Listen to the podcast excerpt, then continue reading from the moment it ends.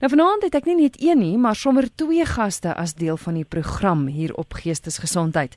Die eerste een is dokter Elmo Pinaar, hy is pastorale familieterapeut en ook besturende direkteur van Koramdayo in Pretoria. Hallo dokter Elmo. Nou, hallo, ek Christel.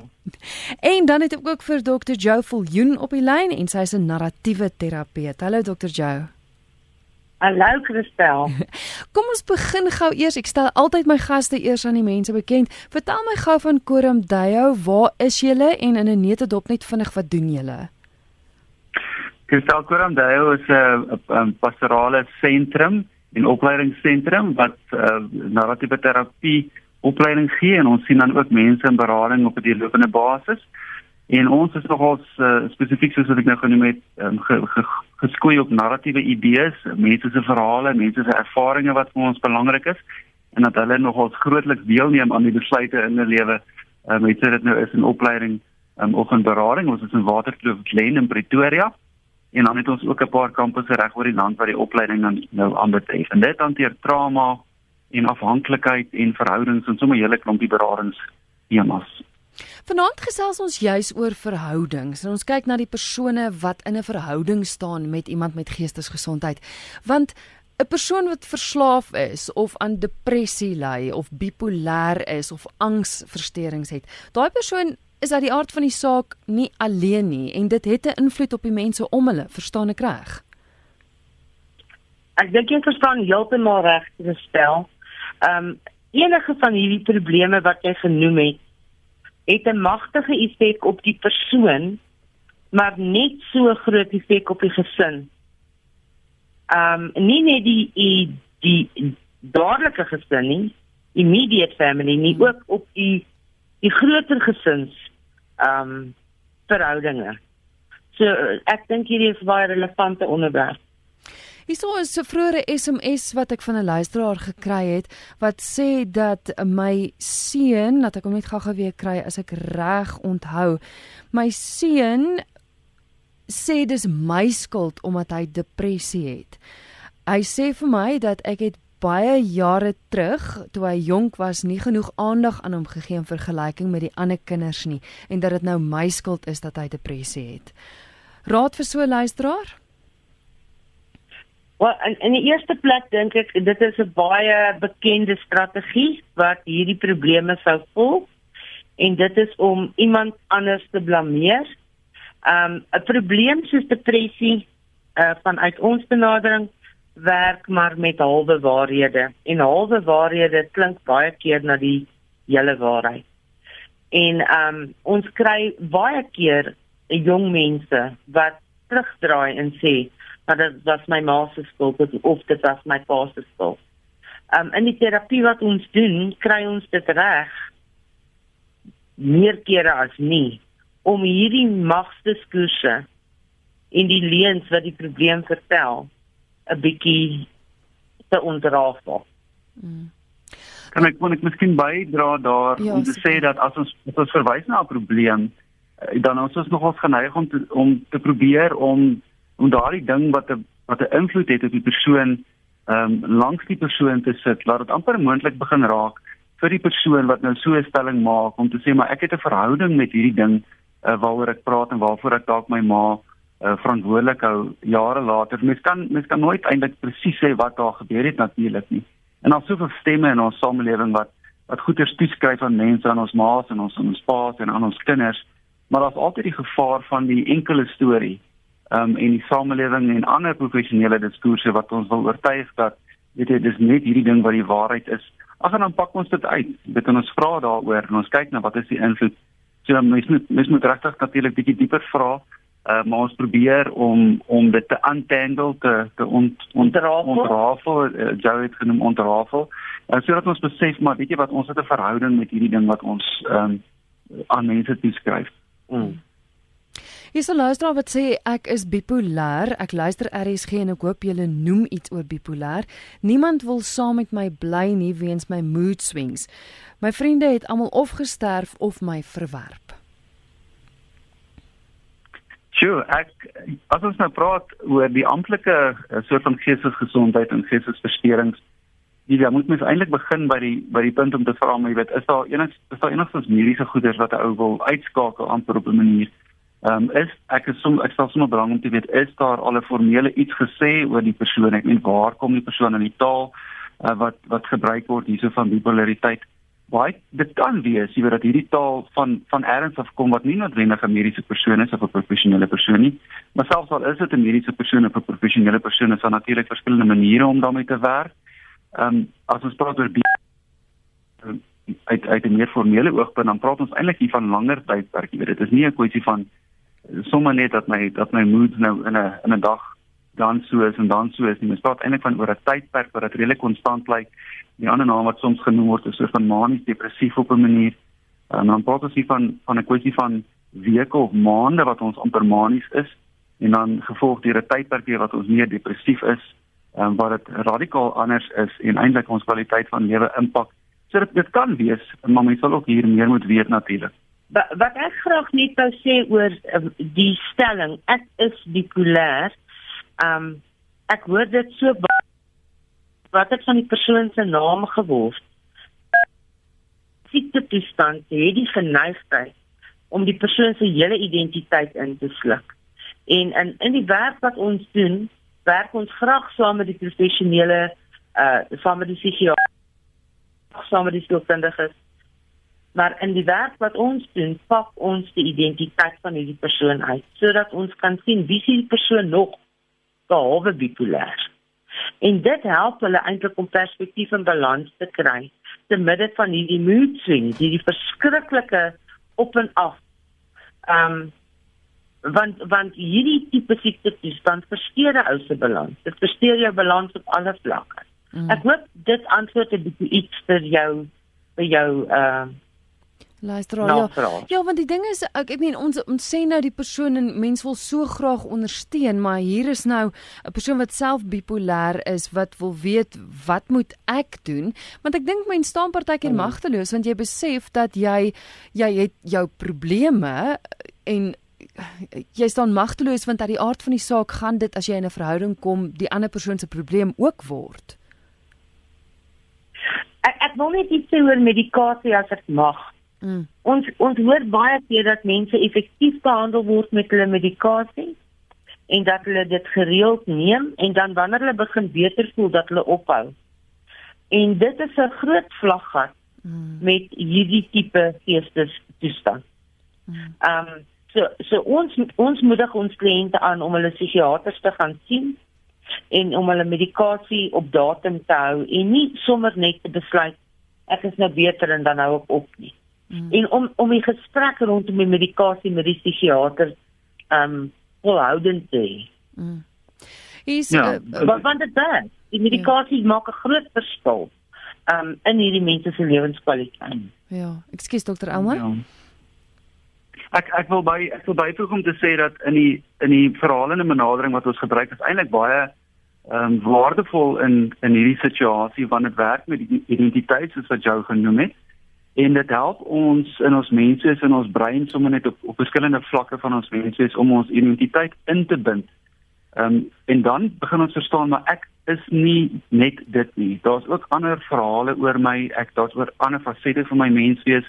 En dan op hierdie manier in die in die gemeenskapsbenadering wat mens baie keer volg, 'n gemeenskap beteken nie noodwendig dan moet ander mense in die gesprek wees nie. Dit kan dit ook insluit um, dan dan help die leef van hierdie ander verhale ons om onsself te integreer um, binne hierdie soort van ervaring van mood swings wat ander mense het en dan word hulle eintlik deel van die die alternatiewe verhale die die wenslike verhale wat ons wil vertel en wat ons wil uitleef oor wie ons is en dan raak dit 'n situasie waarin ek dit bemeester op 'n manier om om hierdie aspek van van wie ek is um, te hanteer. Hmm. Hier sê SMS wat deurkom van 'n luisteraar wat sê ek is 9 en 'n half jaar getroud met 'n man wat bipolêr 1 het, wat manies en psigopaties raak en hy is tans in Weskoppies vir die 15de keer. Dit is living hell for me and my two daughters. My dogter skryf tans matriekeksamen.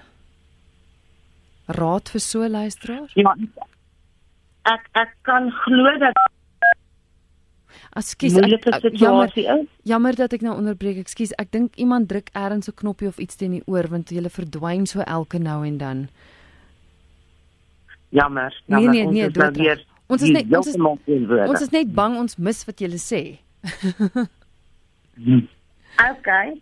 Ehm um, ek ek dink bipolêr 1 is 'n toestand en soos ons hoor uit die verhaal reeds 15 keer opgeneem in Weskoppies en ek kan net dink dat dit 'n baie ehm um, ontstellende effek dat hierdie siekte toestand 'n ontstellende effek op die hele gesin het. Ehm um, veral op die matriekkind.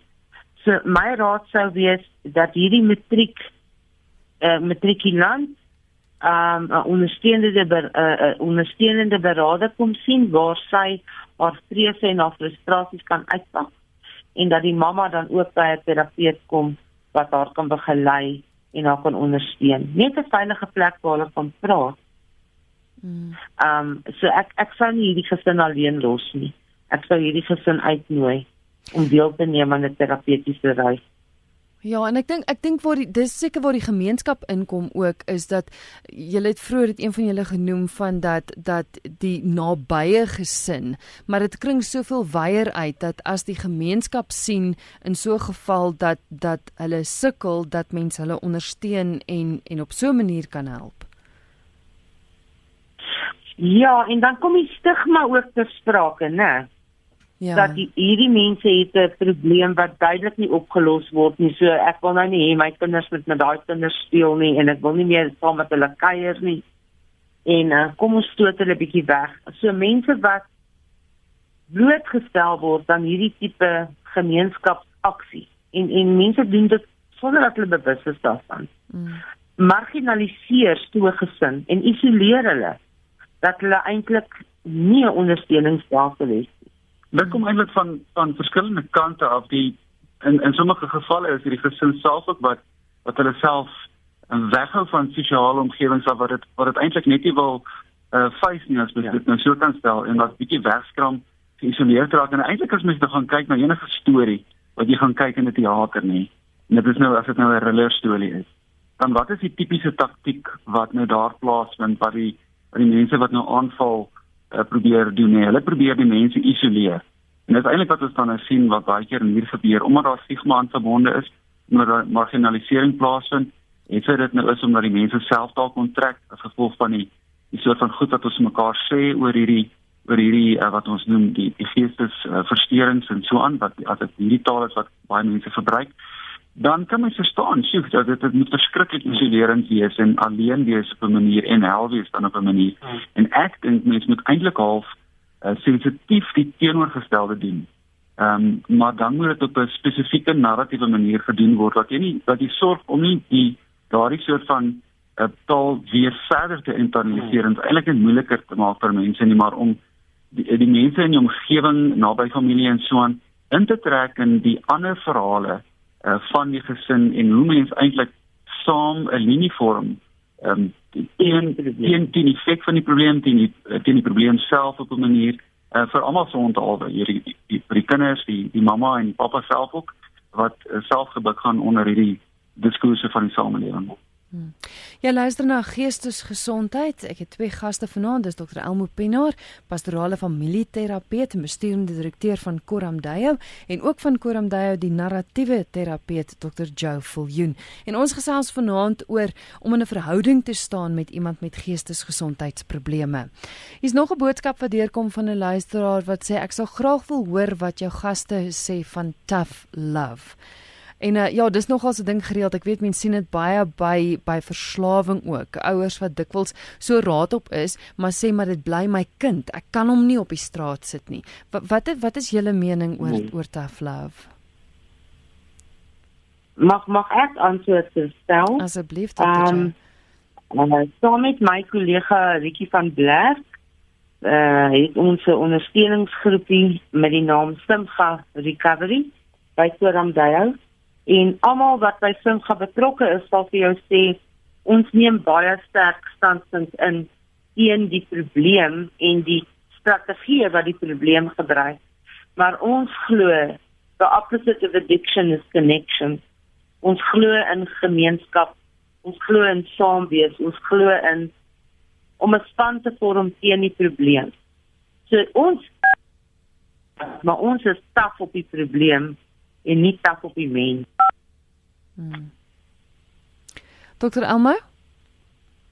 Ja, ek ek ek stem heeltemal saam met dat as mens gaan kyk na die na amper die ehm um, sielkundige teorieë oor oor wat is die Afrika wat sal die Engels tog wees Afrikaans tog wees van attachment daai gebondenheid wat mens vroeg in jou lewe eintlik al vestig is eintlik maar die patroon van ons van ons diepste mense is in ons harte verlang ons hartverlange dit is so dat as mens praat van verslawing veral jy dan dan gebeur daar ander goed in 'n mens en dit het met 'n konnotasie met jou brein en daai goed is jy weet taaf in jou in jou eie gemoed om daarvan los te kom en spoel eintlik soos ander mens op 'n manier. Vir narratiewe terapie is dit 'n baie gemaklike ding om te hanteer omdat soos sê weet ons is staf op die probleem en ons probeer om die mens op 'n manier te te ondersteun want ek dink dis wat mense nie wil hê. Jou tough love moenie iets wees waar jy waar jy sê ook goed ek onttrek nou 'n soort van my liefde en dan dit is die persoon eintlik amper op hulle self aangewese nie. So dit is 'n dis 'n bietjie van 'n strategiese benadering om te sê, "Maar goed, wie wie is die vyand hier?" en en hoe behou ek uh, daai diep menslike koneksie want dis eintlik waar op die lang termyn dis waar die gesondheid plaasvind die mense weer terugvind in hulle versorgingsstelsels. Mm. mm. Is 'n luisteraar wat sê ek is so moeg vir die gejok en die twyfel. Ek is al deur soveel hel met my man. Dan word daar gesê ek gaan ophou, ek glo hom en dan dan gebeur dit net nie. Het jy 'n raad vir hoe ek daai vertroue, hoe ons die vertroue eintlik tussen mekaar weer kan herstel? Ja, ek ek het 'n raad en dit is baie eenvoudige raad. Um wanneer 'n wantroue plaas 'n verpospad in 'n verhouding en, en ek glo dit is 'n kritieke waarde. So wanneer daar wantroue in 'n verhouding is, is dit baie baie belangrik om dit te herstel. En dit is baie eenvoudig. Die probleem laat die persoon jok en optree op maniere wat nie wat nie is soos hulle regtig graag wou wees nie. Dit is baie verwarrend vir die ander mense in die gesin. Want dis hierdie persoon, hierdie geliefde van hulle wat jok en steel en en sê dit gaan ophou en dan gebeur dit nie. So wat ons by Simga Recovery doen is ons moedig mense sê jy gaan nou ry en brood en melk koop, dan doen jy net dit. Want om vertroue te bou, moet jy dit wat jy sê en dit wat jy doen moet presies by mekaar pas. Die ander ding wat baie belangrik is, is dat die persoon in die familie, dis miskien die vrou, het nou vir haar die hoed van die polisieman opgesit. En sy polisieer heel waarskynlik die persoon wat in die verslawing vasgevang is. So vir haar is daar ook al daar is ondersteuningsgroepe wat met familielede werk en vir hulle help om hulle los te maak van hierdie polisieeringsposisie wat hulle inneem. Want dit breek ook die vertroue. So hierdie ding speel altyd kante toe.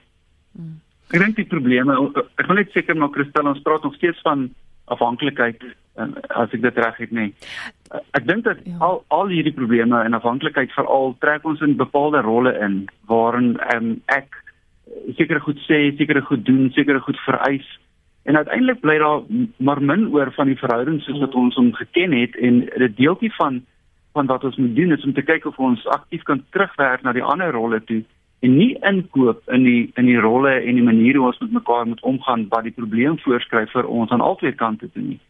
En want as uiteindelik is dan nie, nie vir my ook ook as iemand wat verslaaf is, des te meer dalk nie. Ehm um, ek kies om anders te reageer as ek die hele tyd gesien word as die probleem nie. Hmm. So ek het 'n verhouding met die probleem en die en die verhouding ehm um, en die en die probleem maak absoluut chaos in in my in my liefdesverhouding dis soos 'n derde party op 'n manier.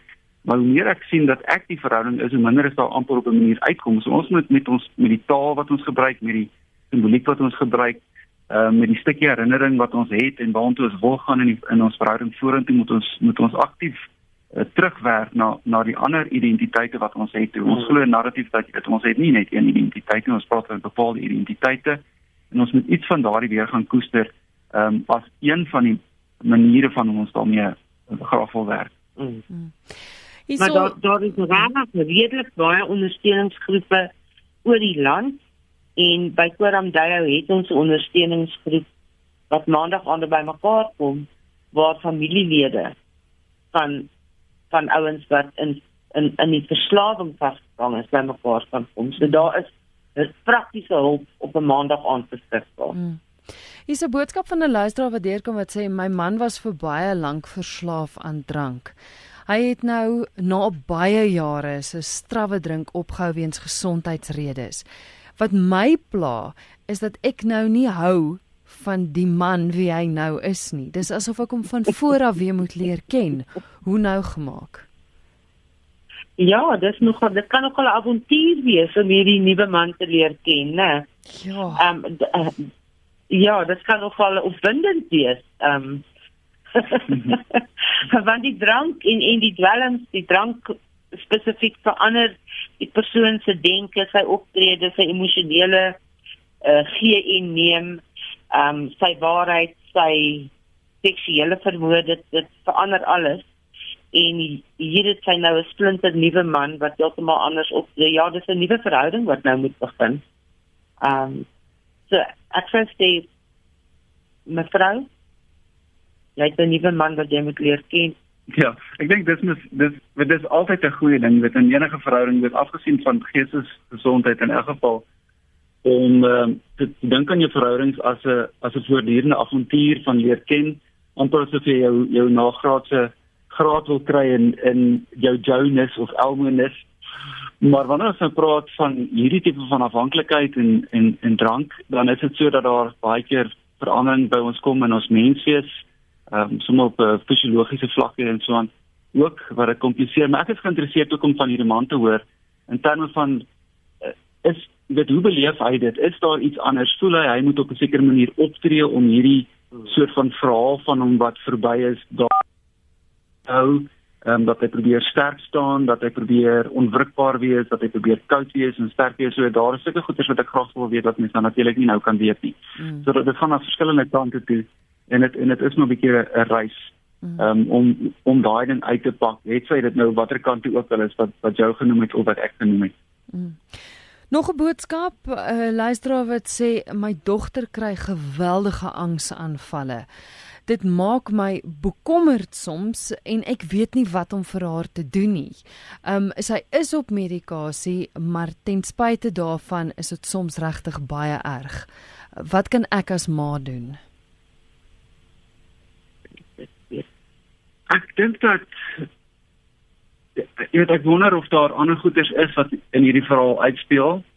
Dit dit kan dit kan wees dat daar sekere vorms van depressie is wat aanleiding gegee het tot hierdie angs en wat op 'n manier net weer en weer en weer uitspeel. Is daar sekere goed wat dit wat dit soort van ehm um, aktiveer op 'n manier ehm um, die daar daar's verskillende terapieë wat met met hierdie tipe van angs werk. Ehm um, baie van die sommige depressies lyk ook na angs.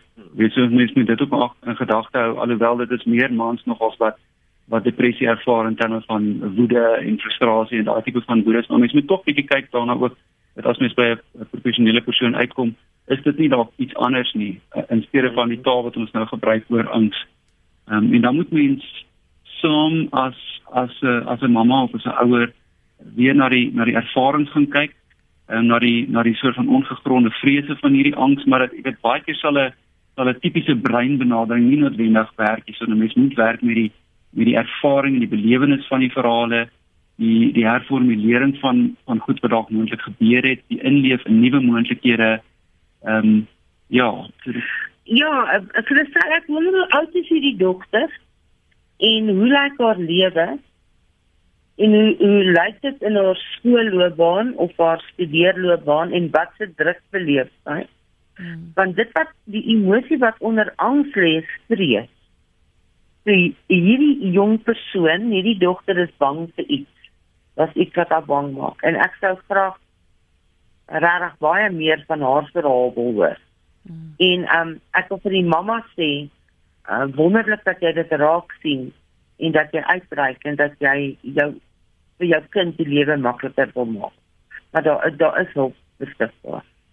Want hoe belangrik jong mense lewe in 'n geweldige druk. Hmm. Hoe, hoe belangrik is dit vir die persoon wat met die probleem sit om te weet dat die mense daar is vir hulle, dat jy daai ondersteuning het en dat jy nie alleen gelaat gelaat gelaat gaan word nie. Is dit belangrik vir so 'n persoon?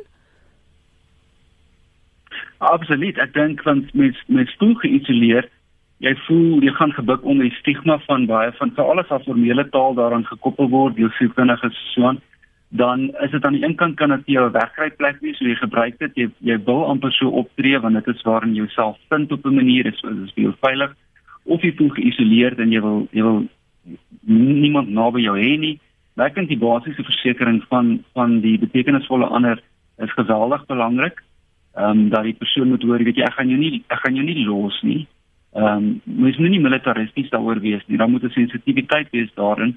En die manier hoe daardie persoon daar moet wees is nie is een weer eens wat die eintlik al die probleem skei van die persoon. Ek weet dit klink dalk uh, vir van ons ander teoretiese kollegas dalk kontraproduktief of wat sal die woord tog wees daarso, maar maar ons wil regtig 'n situasie hê waar die persoon beleef dat ek gee om vir jou Ehm um, en dat hier iets anders is wat ons saam wil 'n linie voorvorm. Ehm um, en laat ons dit op hierdie manier kan hanteer. Want anders gaan ek as die persoon wat moet so ook baie gefrustreerd wees. Want ek koop in in die wat ons noem die diskurs, die ehm um, die die die geloof, die goeders wat ons glo oor hierdie goeders en ek koop in daarin en daarom raak ek ook gefrustreerd en dit is normaal om gefrustreerd te raak.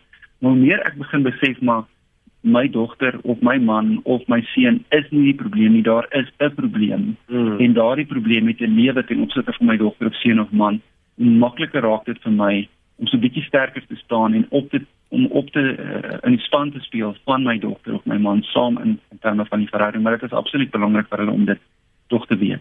Hulle kan dit nie noodwendig wil hoor nie met kry dit baie keer dat die persoon jou eintlik al wegstoot nê. Ehm um, maar maar dit dit dring tog deur en daardie stemmetjie moet daar wees. En daardie kere wat die persoon in hulle eie kamer is of dalk weer 'n lewenskrisis op 'n ander plek gaan en dalk erger forme van denke nog het, dit in terme van uh, um, selfdoodgedagtes en dis meer. So daai stemmetjie moet ook een van die stemmetjies vorm um, as deel van die gehoor op die paviljoen van wat hier uitspeel in my lewe in my binnewêreld. Mm. In geestesgesondheid kan jy saamgesels, jy kan 'n SMS stuur na 45770. 45770 elke SMS kos jou R1.50 of jy kan ook 'n e-pos stuur via ons webwerf rsg.co.za. Jy kan ook skakel hier na die ateljee toe 089 1104553. RSG goeienaand. Ja, goeie goeie naam toe van dit. Baie goed, dankie. Jy's op lig. Jy's welkom om te gesels. Ja, die part in Mervin ek skakel van Kettler by. Ek kom net sê my ma het gelyk van die pole baie jare terug aan die vroeë of die laaste 60 jare tot by omtrent eh ja, van die 88 tot die dan van 50. Dit was 'n weeskopie, dit was 'n sekondêr en die ek neem aan die verpleegster en die psigiater se gedink hulle is beter as haar want sy weet wat sy sê het dan 'n donker kamer opgesluit. Ek het nooit vir haar in die hospitaal self ingegaan om te haar te gaan kyk ek het baie gewag saam met haar ma en pa van van haar ma en pa kant. Ja la pa gaan kyk by die skool in Pretoria. Sy was nie daar bly nie. Sy wou saam met hulle huis toe gaan. En nadat sy van die plek uitgekom het sy sê vir haar ma maar ek sien jy ook nie gaan terug na my man toe dit is waar belang en dit is daar belang en dat my ek weet nie wat aangegaan het met my pa en my ma. Dit nog lang was in die 60 jare die 60 jare en die psigiater het met al die medikasie wat hulle vir my ma gegee het en wat hulle neergeskryf het. Ek denk denk ek nie paar gehelp het dat laat toe sê dat hy hartaanval het in 1988 op die ouderdom van 50 hulle het die medikasie kon die arts kan nie die medikasie hanteer die en dit het paar hart vergif dit was te sterk die die die, die transvatel vergeet oor baie jare om 10 20 jaar se behandeling het het hom meer erger gemaak as om beter te maak So. En mens kan na die aard van die saak hoor dat dit 'n geweldige groot invloed op jou lewe gehad het, né? Dit wat jy moes beleef het. Ja, dit het natuurlik dit uh, 'n groot impak op my gehad. Ja. Ja. En uh, ek neem aan my pa het ook behandeling nodig gehad maar ek nou ek was nooit uh, getoets op op behandel vir bipolar. Ja, ja. Dit net my ma. Ja. B baie dankie vir vir die bel. Ek kon daar as 'n klein kind in die 70 in die 70 jaar die laaste 60 en 70 jare in Rustenburg ek opgegroei het as 'n klein kind. Dat my ma vir drie maande van die jaar weg was by Weskopies. Ja. Baie dankie vir die bel hoor en, en sterkte. Baie dankie. Goeie program. Baie dankie. Baie dankie. Dis informasie. Dankie. Dr. Joe, Dr. Alma, mens mens hoor nou hierdie wat dit moet 'n geweldige groot invloed hê vir alles mens kyk. Ek dink as mens ouer is kan mense nog beter verwerk, maar as jy nou kyk na kleinkinders wat gekonfronteer word met met 'n dronk ouer of met 'n ma of 'n pa wat bipolêr is, kyk hoe ander mense hulle hanteer en, en daai situasies het dit verskriklike groot invloed op op 'n kind. Moet so 'n kind dan gaan vir terapie of of wat s'ie pad wat mens moet volg? Ja, so ek weet ja, definitief. Ja, ons ek wil net sê dat ehm um, die die persoon wat ingeskakel het se stem en ek wil net sê psigiatrie is nie meer vandag wat dit in 1960 was nie. Hmm. Die behandeling het verander, die medikasie het verander. Ehm um, ons pasiënte kry behandeling in privaat en self in in hospitale soos Weskoppies. Ehm um, ons moenie ons rig daarop draai nie. Die ehm um, psigotropiese medikasie het met spronge vooruit gegaan. So dit wat in 1960 gebeur het, is nie meer wat nou in 2017 gebeur het. Ek wil net dit sê eers. Maar ja, stel ehm um, familieterapie en ek dink gaan dit oorgie aan Elmo dat jy praat oor gesinsterapie vir hierdie mense. Ek dink dat 'n kind word onwrikbaar eh, beïnvloed veral as mens kyk na daardie tydperk en wat in die professionele diskurse in daardie tydperk gebeur het, dit as ek nou dink na van die verskillende teoretiese benaderings hoe kinders en andersins, dan dan kan dit wees dat dat ons op 'n sekere manier dink aan mense wat amper geïnstitusionaliseer word. So jy jy het 'n heeltemal 'n ander prentjie van wat van 'n persoon wat aan jou voorgehou word, hoe mense so 'n persoon hanteer. Ehm um, en dan dan is dit amper asof die samelewing sulke mense natuurlik uitskuif en ons wil sulke mense behandel amper as 'n primêre en baie keer enigste opsie met met medikasie en so aan. En daar is natuurlik goeders wat mens uh, op op so moet behandel, maar mens moet dit ook saam behandel met ander benaderingsterapeutes en so aan. En dit is baie jammer dat dit dat dit in daardie tyd so was. Jy weet ons ek stem saam met jou, ons het al geweldig baie gegroei en veral nogal in die narratiewe terapie waarmee ons werk wat nog altyd so van bietjie die die rebel was onder die terapie wat gesê het weet jy maar hoekom dink ons in die samelewing oor sekere goeders op sekere maniere? Want baie baie van die kinders se belewenis kon nog heel anders gewees het as ons in die samelewing net iewers anders dink oor oor uh, geestesgesondheid. Um, en dat die stigmas nie noodwendig daar is nie wat dit baie makliker maak vir die kinders eintlik op 'n manier baie natuurliker laat oorkom want ons klassifiseer mense doodgewoon omdat hulle nie in ons boksies pas nie. Nou ek mens kan nooit sê ek ken nie die spesifieke gevalle vanaand natuurlik nie. Daaroor kan ek my nie uitlaat nie. Maar dit is so dat mense um, geïnstitusionaliseer word, dat daar sekere boksie voorgehou word, dat ek sien hoe my my ma of my ouma of my oupa hanteer word en dat dit baie groot in, indruk op my het. Ehm um, en dat dat die medikasie al verbeter het en dat daar ander benaderings is wat gelykleidig met met medikasie eintlik kan goed werk maar vir daardie persoon sal ek tog sê joh ek dink mens moet mens moet tog by iemand uitkom om net daardie verhaal bietjie uit te pak en die impak van daardie verhaal en hoe mens myself wil posisioneer in daardie verhaal. Kyk nou is daar aspekte daar wat mens wil herformuleer? Wat maak mens met hierdie gevoel van verlies wat mens eintlik amper niks aan kan doen nie? Ehm um, moet daar nog iets gebeur? Wat moet daar gebeur? Kan ek dit aktief hanteer maar dit moes baie dit moes baie um, erg gewees het op 'n persoon. In daardie tyd ek dink van van ons ontwikkeling professioneel medies en andersins ehm um, dit hang net af jy weet ook van die spesifieke geval maar ja en ek sal definitief die persoon aanmoedig om om dit bietjie oper te maak bietjie daaroor te gaan praat ehm um, die impak daarvan te gaan kyk. Nou wat is die wat is die gevolgtrekkings wat so 'n persoon by uitgekom het oor hulle eie lewe, oor hulle verhouding met hulle met hulle ouma of oupa of die die belangrike persoon in hulle lewe en hoe dit hulle verhouding tans beïnvloed, hoe dit hulle siening oor medikasie beïnvloed, hoe dit hulle siening oor verhoudings beïnvloed, um intergeneratief ook my eie kinders dalk moontlik. So daar's sulke aspekte wat ek dink mense net sal bys is om dit net so 'n bietjie te gaan um, uitpak. Hmm. Baie dankie vir beide van julle se gesels vanaand. Uh, Dr Elma, hoe maak luisteraars kan hulle Koramdayo kontak um, as hulle hulp sou nodig hê? Ja, hulle kan um, Koramdayo uh, kontak. Ek dink die heel maklikste is om sommer na die webtuiste toe te gaan want daar is kontaknommers en kontakvorms en so aan. Dit is die heel maklikste. En as ek dit sommer kan deurgee, dit is koramdayo.co.za en Koram word met 'n C gespel En die oomblik as jy soek vir Koram Dale, dan gaan jy op allerlei name uit wat vir presisie spelling gaan gee. In elk geval trouens uh, net Koram Dale beteken vir die aangesig van die Here op 'n manier en dit is maar jy weet ons lewe vir die aangesig van die Here in verskillende benaderings, verskillende ehm um, sienwyse. Maar daar op Koram Dale op en sien op en sien daar sal jy dan alles sien waaroor ons gepraat het en nommers vir hulp ook en so aan. Baie dankie Dr. Joe, Dr. Elma vir vanaand se gesels. Baie dankie, dit was lekker om hier te wees. Dankie gesels.